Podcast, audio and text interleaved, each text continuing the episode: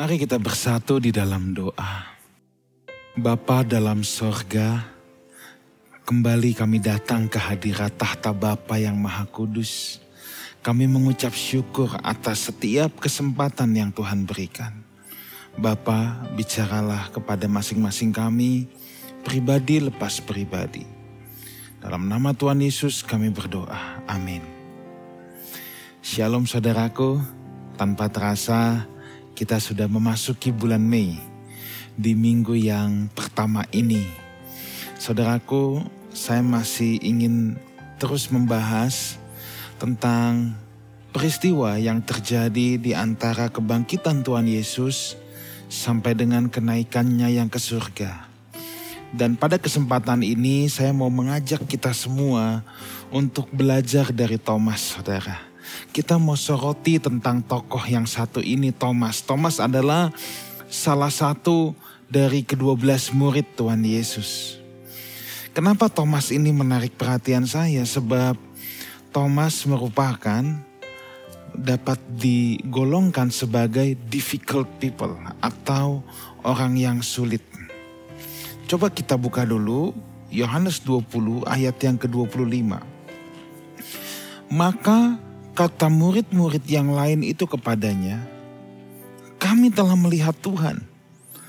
Tetapi Thomas berkata kepada mereka, "Sebelum aku melihat bekas paku pada tangannya, dan sebelum aku mencucukkan jariku ke dalam bekas paku itu, dan mencucukkan tanganku ke dalam lambungnya, sekali-kali aku tidak akan percaya."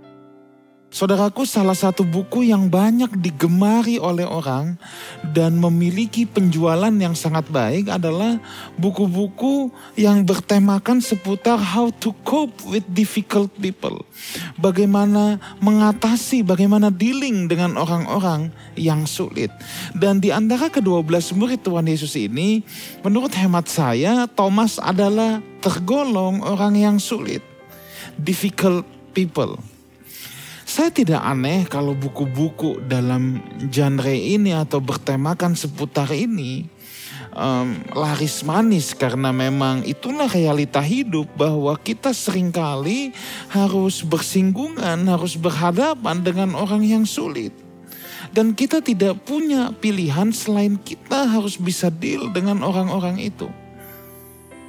Dan ini realita hidup. Ada orang yang memiliki atasan yang sulit kerja di suatu perusahaan, bosnya tergolong orang yang sulit. Belum lagi kalau saudara partneran atau bekerja sama dalam satu proyek atau apa pun dengan orang yang sulit. Apa apalagi juga ada yang punya pasangan hidup tergolong orang yang sulit. Entah suaminya, entah istrinya. Nah, Apalagi kalau sudah pasangan hidup atau apa kan bukan berarti kita ketemu orang yang sulit lalu kita harus berpisah, kita harus menjauh dan lain sebagainya. Tidak begitu. Tetapi kita harus bisa mengatasi how to deal with difficult people itu. Nah, dari 12 murid ini ya ada Thomas saudara. Orang yang sulit itu memang biasanya agak sulit untuk diajak bergaul. Kadangkala terlalu serius ya. Orang lagi bercanda dianggap serius, jadi salah paham. Ya. Nah, ketika murid-murid kalau tadi kita baca saudara ya, murid-murid ini kan sebenarnya sedang lemas loyo.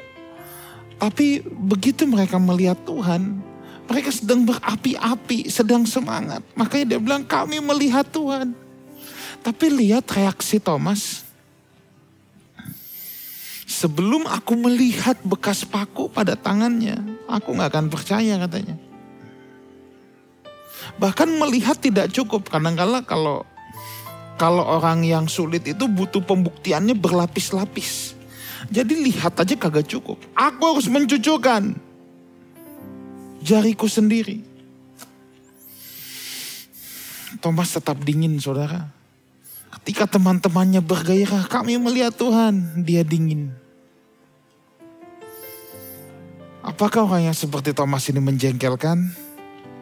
Orang udah bersemangat menyampaikan kabar baik. Ternyata dia malah dingin gak percaya. Saudara pernah di situasi itu ketika saudara lagi bersemangat ketemu orang yang sulit. Biasanya malah dijatuhkan mentalnya. Orang yang sulit juga biasanya sering kali memandang sesuatu dengan negatif. Atau tanpa dia sadar dia seperti punya opposite, punya opposite spirit maksud saya. Punya roh yang berlawanan atau roh yang menentang, opposite spirit. Ketika teman-teman yang tadi semangat, kami melihat Tuhan. Gue gak percaya. Pernah bertemu dengan orang-orang yang seperti ini? Pasti sering Pasti sering saudara. Biasanya orang yang sulit ini akan menentang. Hampir semua pendapat orang dia akan tentang. Melihat segala sesuatu dengan sisi gelap atau negatif thinking. Misalnya, habis jalan-jalan ke luar negeri. Lalu ditanya, wah asik dong jalan-jalan ke luar negeri Eh dia malah jawabnya apa yang enak, capek. Memang pasti mungkin ada capeknya, tapi kan pasti ada sisi enaknya. Tapi kalau orang yang negatif thinking akan selalu melihat dari sisi yang buruknya. Akan selalu lihat dari sisi yang negatifnya. Kita dengar dia baru naik jabatan atau dapat kerjaan baik dan lain sebagainya orang mulai mengucapkan, weh selamat ya. Naik pangkat, naik jabatan. Eh dia malah jawabnya gini. Apanya enak naik pangkat? Pusing tahu, beban banyak. Tuh. Segala sesuatu akan dilihat dari sisi yang negatif. Ulang tahun diucapin, wah selamat ulang tahun ya, akhirnya bertambah lagi satu tahun, selamat sehat selalu. Apanya yang tambah? Ini malah berkurang satu tahun, tahu? Nah, jadi selalu melihat dari sisi yang gelap, sisi yang pesimis, sisi yang negatif. Gelas setengah penuh akan dibilang sebagai setengah kosong. Tetapi yang menarik di sini, saudaraku, Tuhan tidak menyingkirkan Thomas. Kok murid seperti Thomas tidak disingkirkan? Seorang yang sulit dan menjengkelkan, saudara. Ya. Kalau manusia pada umumnya ketemu orang-orang yang sulit gini, ya nalurinya ah udah, gue singkirin aja. Ngapain bikin capek, ngapain bikin susah. Tapi Yesus berbeda, saudara. Dia memang gembala yang agung, semua orang diberikan kesempatan Petrus yang pengecut dia berikan kesempatan. Yudas si pengkhianat pun Tuhan berikan kesempatan. Tapi Yudas nggak mau ambil ke, kesempatan itu. Yudas bukannya bertobat malah bunuh diri. Petrus bertobat. Yudas tidak ambil kesempatan itu. Yudas memilih bunuh diri, memilih mengakhiri hidupnya. Tetapi yang jelas semua orang diberikan kesempatan oleh Yesus. Dia gembala yang luar biasa. Sekalipun ada yang nakal tetap diperlakukan seperti domba. Ada yang nakal tidak langsung diperlakukan seperti kambing. Ada yang nakal tetap diperlakukan seperti domba. Tetapi bukan berarti Yesus gampangan dan kita boleh sembarangan, bukan itu. Ingat perumpamaan tentang uh, raja yang membuat pesta ketika orang undangan tidak mau hadir akhirnya dikumpulkan orang-orang dari pinggir jalan. Itu anugerah, itu kasih karunia. Tetapi orang yang menerima undangan itu nggak boleh seenaknya datang tanpa berdandan, nggak diterima. Akhirnya diusir juga. Ya, maka selalu saya katakan anugerah itu gratis tapi tidak murahan. Anugerah itu gratis tapi tidak gampangan. Yesus berikan kesempatan tapi Yesus tidak gampangan. Yesus berikan kesempatan, namun kita dalam kehendak bebas tetap harus memutuskan hasil akhirnya. Petrus mengambil kesempatan itu dan dia bertobat. Yudas tidak mengambil kesempatan itu, dia malah mengakhiri hidupnya. Paulus juga seorang yang kejam pada mulanya terhadap orang-orang Kristen. Tapi dia mengambil kesempatan itu untuk bertobat dan dia dipakai Tuhan luar biasa. Dan di awal perjalanan Paulus, Paulus juga bukan orang yang langsung sempurna. Ketika dia berselisih dengan Markus, dia tidak mau berikan kesempatan Markus untuk ikut dan lain sebagainya. Tapi Tuhan tetap bersabar, Tuhan tetap bisa mengubah seseorang, saudara. Tuhan tetap berikan kesempatan asal orang itu mau terus bertobat dan merubah diri. Seringkali ada banyak orang tidak mau mengambil kesempatan itu. Itulah sebabnya saya tidak bosan katakan bahwa kalau kita masih bisa melihat mentari terbit di ufuk timur pada pagi hari, itu berarti Tuhan masih berikan kepada kita kesempatan kesempatan untuk terus menjadi serupa dengannya, untuk semakin mirip dengan Tuhan Yesus. Tapi ada banyak orang yang gak mau ambil kesempatan itu. Ketika kita masih bisa bangun pagi, apa yang kita pikirkan pertama? Ingat, kesempatan nafas hidup adalah sebuah kesempatan untuk kita menjadi semakin serupa dengan Kristus. Dan kita harus menggunakan kesempatan itu sebaik-baiknya. Kalau kita bertemu dengan orang yang kita bisa tolong, itu adalah kesempatan kita untuk berbuat baik. Kitab Galatia berkata berbuat baik pun ada kesempatan. Kadang-kala kita mau berbuat tapi kita udah gak bisa. Karena kesempatannya sudah tidak ada lagi. Nah, ada banyak orang menyia-nyiakan kesempatan ini. Kita harus belajar bagaimana Yesus deal dengan Petrus. Petrus keras. Tapi ketika Tuhan deal dengan Thomas, Tuhan caranya beda. Tuhan justru lembut. Deal dengan Petrus, Yesus keras. Ya. Petrus itu kurang apa saudara?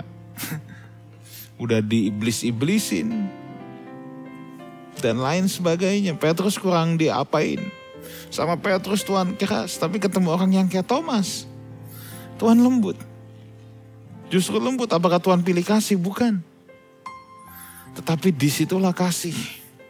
Ciri kasih adalah 1 Korintus 13 ayat 4. Kasih itu sabar. Kasih itu murah hati. Ia tidak cemburu. Ia tidak memegahkan diri dan tidak sombong. Tuhan bersabar ketika menghadapi Thomas. Orang seperti Thomas tidak mungkin datang kepada Yesus. Itu sebabnya Yesus yang datang kepada dia. Deal dengan orang seperti Thomas dibutuhkan kesabaran dan bukti. Makanya uh, di ayat yang ke-27. Ya, di ayatnya yang ke-27.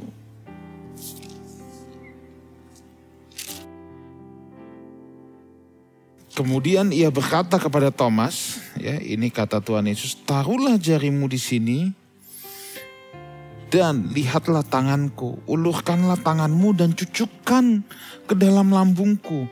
Dan jangan engkau tidak percaya lagi, melainkan percayalah. Memang deal dengan difficult people, orang seperti Thomas ini, kita perlu kesabaran dan bukti. Ketika Yesus berjumpa dengan Thomas setelah kebangkitan, Tuhan gak marah sama Thomas. Tuhan gak bilang Thomas kurang ajar lo ya. Lu gak percaya. Nggak, Tuhan sabar. Tuhan gak omelin Thomas. Tuhan malah merangkul Thomas. Dengar baik ini, penghakiman dan amarah tidak akan mengubah seseorang. Tapi kasih yang akan mengubah seseorang. Penghakiman dan amarah tidak akan mengubah seseorang. Tapi kasih dan penerimaan tanpa syarat, itulah yang bisa mengubahkan seseorang. Mau menangkan orang, sabar dan beri bukti lewat hidup kita. Menghadapi orang yang lagi kecewa dan kepahitan, sabar dan beri bukti lewat hidup kita Biarkan kita dibaca oleh sekeliling kita, bukan terus-menerus kita khotbahin mereka, Sebab orang gak akan berubah cuman dengar khotbah. Saudara pernah ketemu sama orang yang lagi kecewa dan kepahitan? Orang yang dikecewakan akan cenderung akan memiliki kecenderungan untuk mengecewakan. Orang yang dikhianati akan memil akan memiliki kecenderungan untuk mengkhianati. Ya, kalau ketemu orang yang lagi kecewa, kepahitan dengan suatu keadaan, sabar dan beri bukti lewat hidup kita. Sebab dia baru dikecewakan, dia pasti punya self defense mekanisme self defense mechanism dalam dirinya yang akan otomatis seperti curiga kepada setiap orang yang dia temui. Sambil berpikir jangan-jangan aku akan dikecewakan lagi, jangan-jangan aku akan dijahatin lagi nih. Maka kalau deal dengan orang seperti ini, orang yang sedang kecewa, sedang kepahitan, sebenarnya nggak usah banyak omong. Cukup sabar, ya, yang kedua, beri bukti lewat hidup kita bahwa tidak bahwa tidak setiap orang jahat. Bahwa aku berbeda loh. Enggak usah pakai banyak omong, berikan bukti saja. Seperti semboyan Nike, just do it. Wah itu keren banget. Just do it, lakukan saja. Lakukan saja. Kita sebagai orang Kristen, sebagai orang percaya, kita memiliki nilai lebih. Kita harus buktikan bahwa kita punya nilai lebih. Kita harus buktikan kita punya nilai lebih. Yang membuat seseorang tertarik dengan apa yang kita percayai.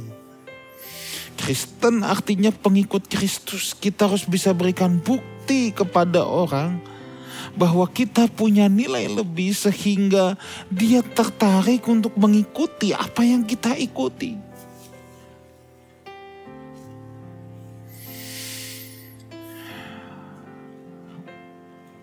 Omong doang, hanya berbicara, tidak mengubah orang.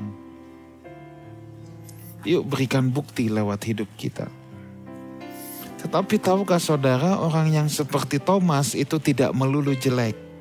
Orang yang seperti Thomas itu juga ada sisi positifnya. Tahu beda orang yang seperti Thomas dan seperti Petrus? Petrus memang menggebu-gebu Makanya perjalanan imannya seperti roller coaster.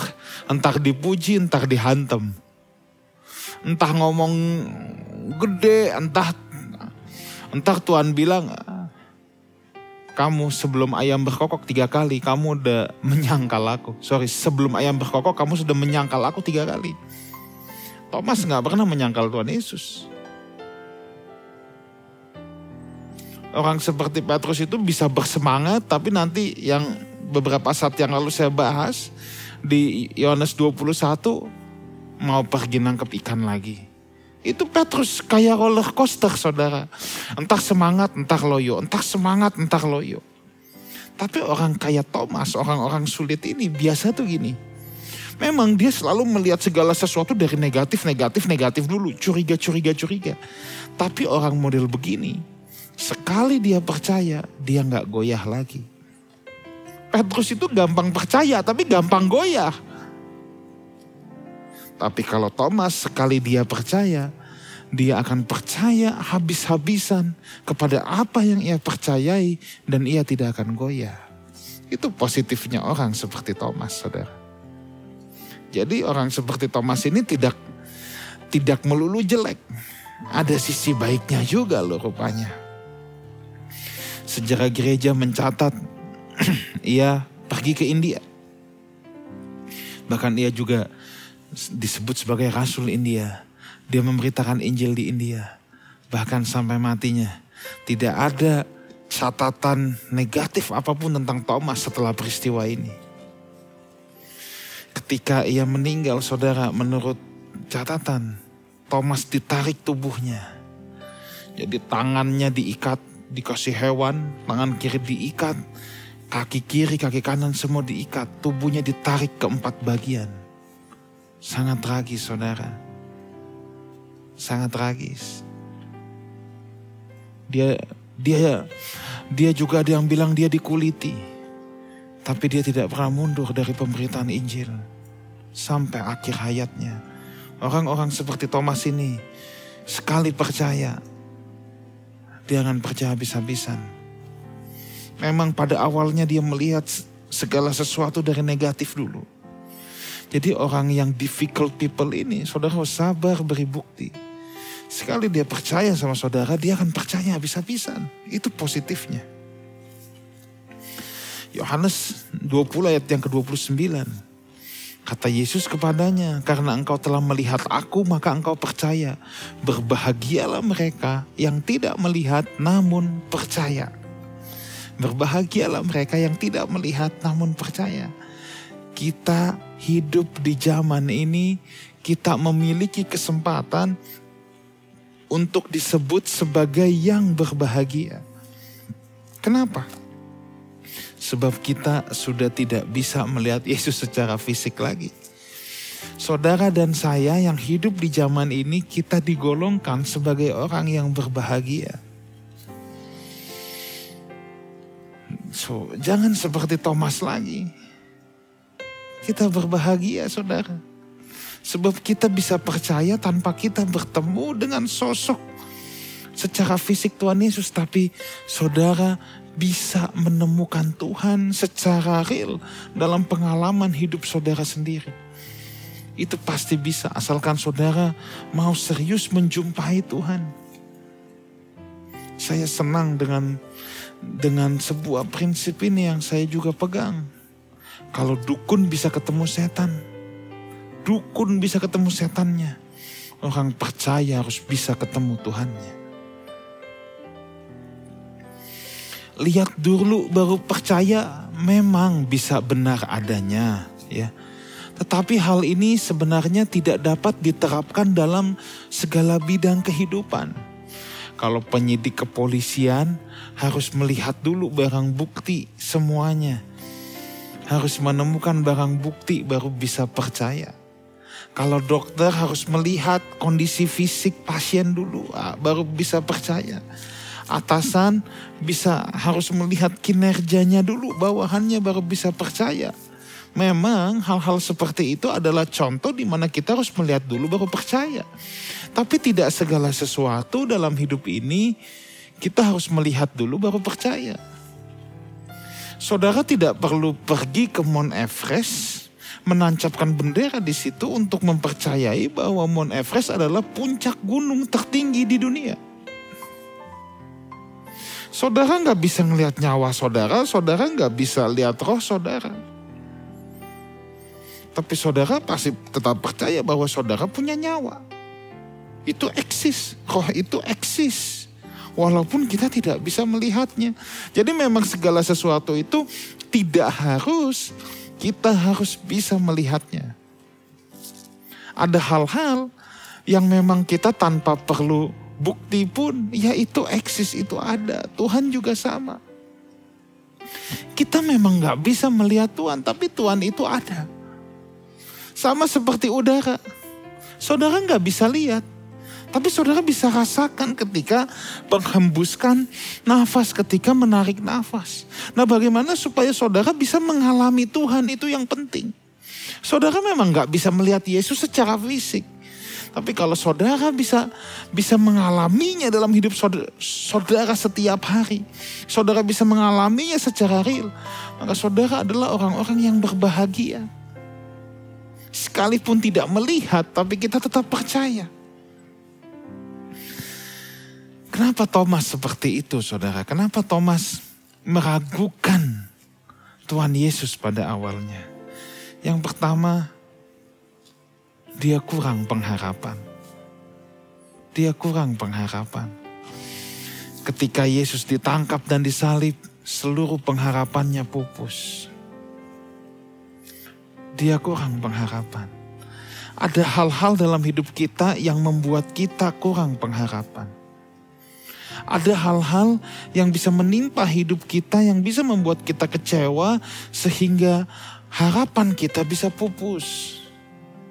Tetapi saya mau beritahu buat saudara, manusia bisa mengecewakan, tetapi kalau orang yang berharap sama Tuhan tidak akan pernah dikecewakannya. Sebab apa yang ia katakan ia dan amin, ia alfa dan omega, apa yang dia janjikan pasti dia akan genapi. Tapi memang persoalannya ada banyak orang klaim-klaim janji Tuhan tanpa tahu apa yang dia janjikan. Makanya jangan main klaim-klaim klaim-klaim harus tahu dulu apa yang Tuhan janjikan dan dan jangan membuat janji Tuhan versi dirimu sendiri. Jangan bilang kan Tuhan udah berjanji. Janji yang mana? Tuhan bilang, aku nggak janji yang begitu kok. Kamu aja yang bikin sendiri. Kalau bahasa orang sekarang, halu. H-A-L-U, halu, halusinasi. Tuhan nggak janji begitu kok, lu aja bikin-bikin sendiri. kan bisa begitu ya saudara. Yang kedua, Thomas tidak berpegang pada perkataan Tuhan atau firman. Thomas sudah mengikuti Tuhan Yesus, sudah sering mendengar bahwa anak manusia akan diserahkan, akan disalibkan, mati, dan dibangkitkan di hari yang ketiga. Tapi dia tidak berpegang pada firman. Dia tidak berpegang pada perkataan Tuhan. Saudaraku, ketika situasi berat, ketika situasi seakan membuat kita kehilangan harapan, saya mau beritahu saudara gini, pegang firman Tuhan, pegang perkataan Tuhan. Pegang setiap apa yang Tuhan katakan.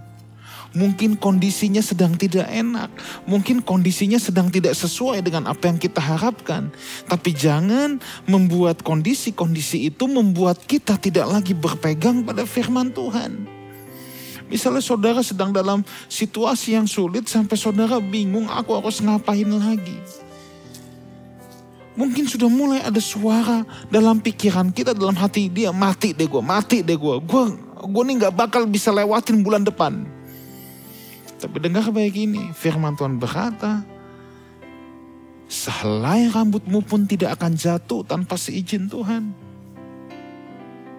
Percayalah bahwa semua pasti bisa dilewati.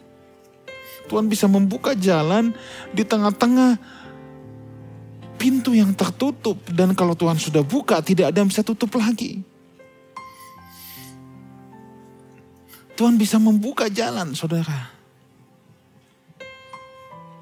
Dan kalau Tuhan yang sudah mengaturnya, maka tidak ada yang bisa menggagalkannya. Persoalannya, apakah kita percaya pada pengaturan Tuhan? Orang yang percaya pada pengaturan Tuhan akan berpegang pada firman-Nya. Kita nggak usah bersungut-sungut, sebab sungut-sungut tidak akan menyelesaikan masalah. Selalu saya katakan kan gini, orang yang bersungut-sungut adalah orang yang sedang mendemo Tuhan. Orang yang bersungut-sungut, orang yang mengeluh adalah orang yang tidak percaya pada pengaturan Tuhan.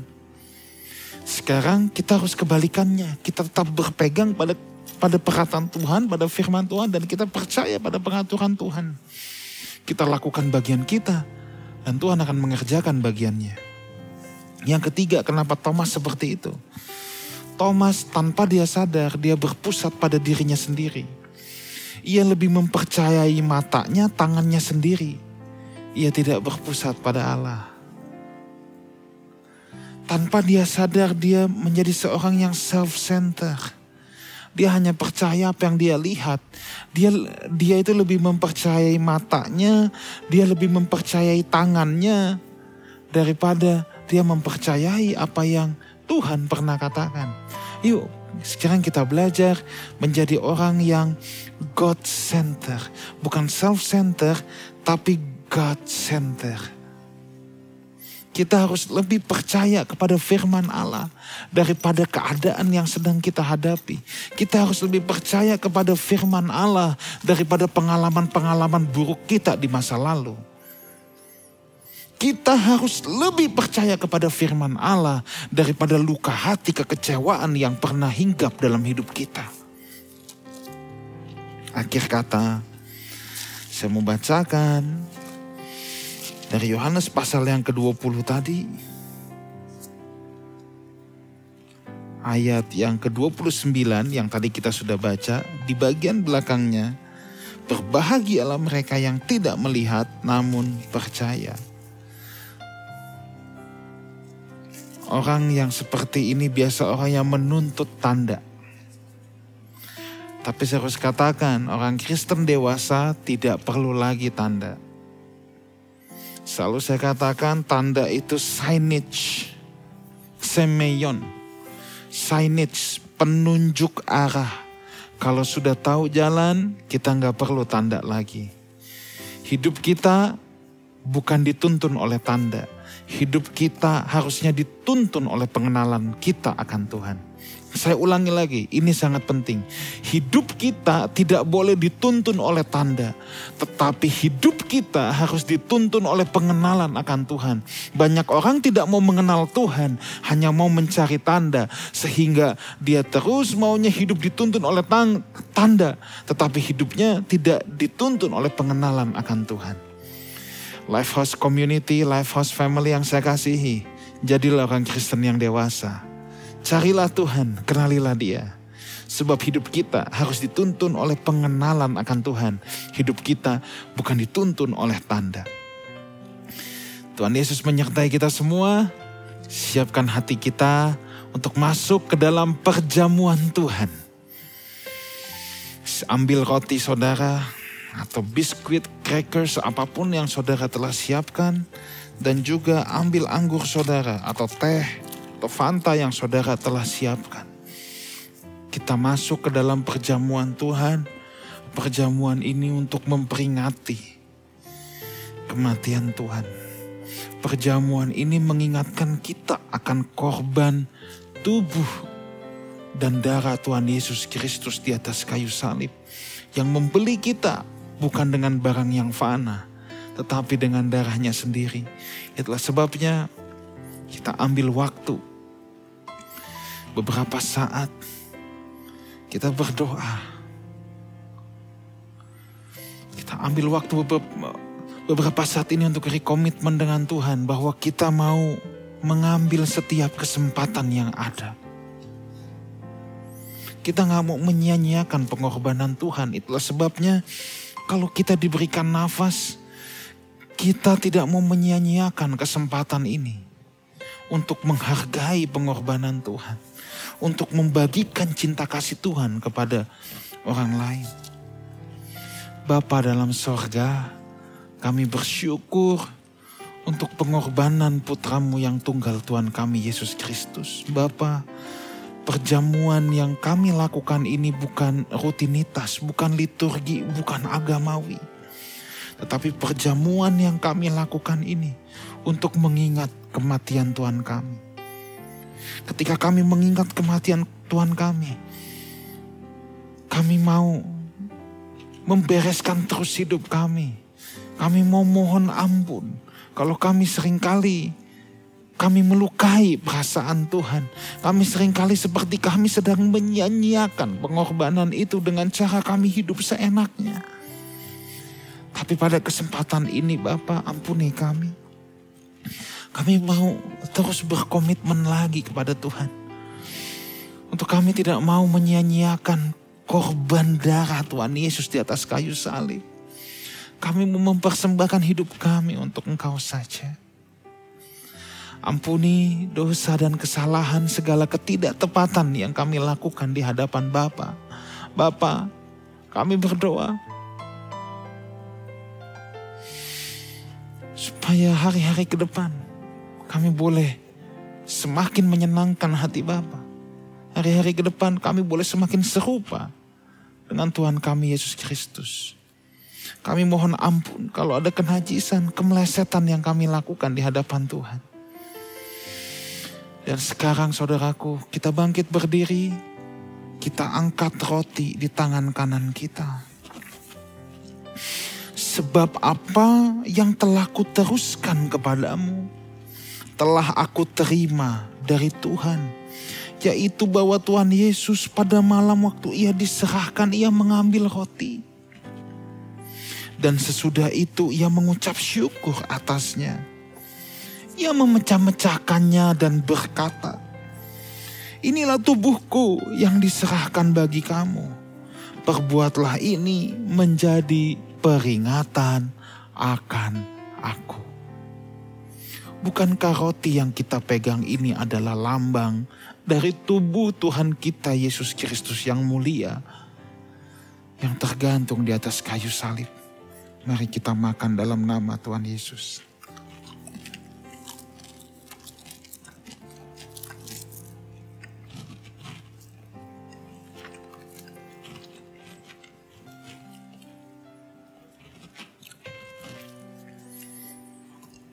Mari kita angkat cawan. Kita angkat anggur yang telah kita sediakan. Demikian juga ia mengambil cawan sesudah makan. Lalu berkata, cawan ini adalah perjanjian baru yang dimeteraikan oleh darahku. Perbuatlah ini setiap kali kamu meminumnya menjadi peringatan akan aku. Sebab setiap kali kamu makan roti ini dan minum cawan ini, kamu memberitakan kematian Tuhan sampai ia datang. Saudaraku, bukankah anggur yang kita pegang ini adalah lambang dari tubuh Kristus? Mari kita minum dalam nama Tuhan Yesus.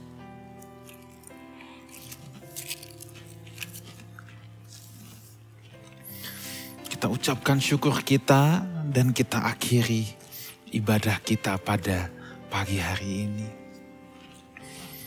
Kami bersyukur untuk pengorbanan Tuhan kami Yesus Kristus di atas kayu salib.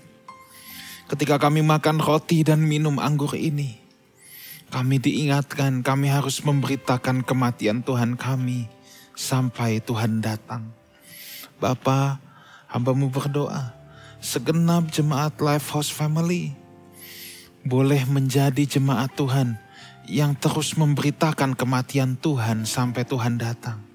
Memberitakan kematian Tuhan dengan cara hidup kami harus bisa menjadi saksi.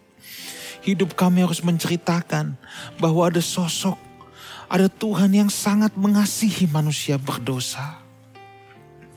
Terima kasih Bapa, terima kasih. Sekarang angkatlah kedua belah tanganmu dan terimalah berkat Tuhan. Kiranya diberkatilah keluargamu, diberkatilah pekerjaanmu, diberkatilah keluar masukmu. Engkau semua diberkati oleh Tuhan. Sebab kita semua punya tugas untuk menjadi berkat. Berkat yang kita terima bukan untuk menyenangkan daging kita. Berkat yang kita terima untuk kita salurkan kembali kepada orang lain. Kiranya berkat dari Allah Bapa, cinta kasih, kasih karunia dari Tuhan kita Yesus Kristus. Dan persekutuan yang indah dan yang manis dengan roh kudus. Menyertai kita semua. Sampai Maranatha, Tuhan Yesus datang untuk yang kedua kalinya. Menjemput orang-orang yang hidup berkenan di hadapannya. Sama-sama kita katakan, amin. Happy Sunday, God bless you all.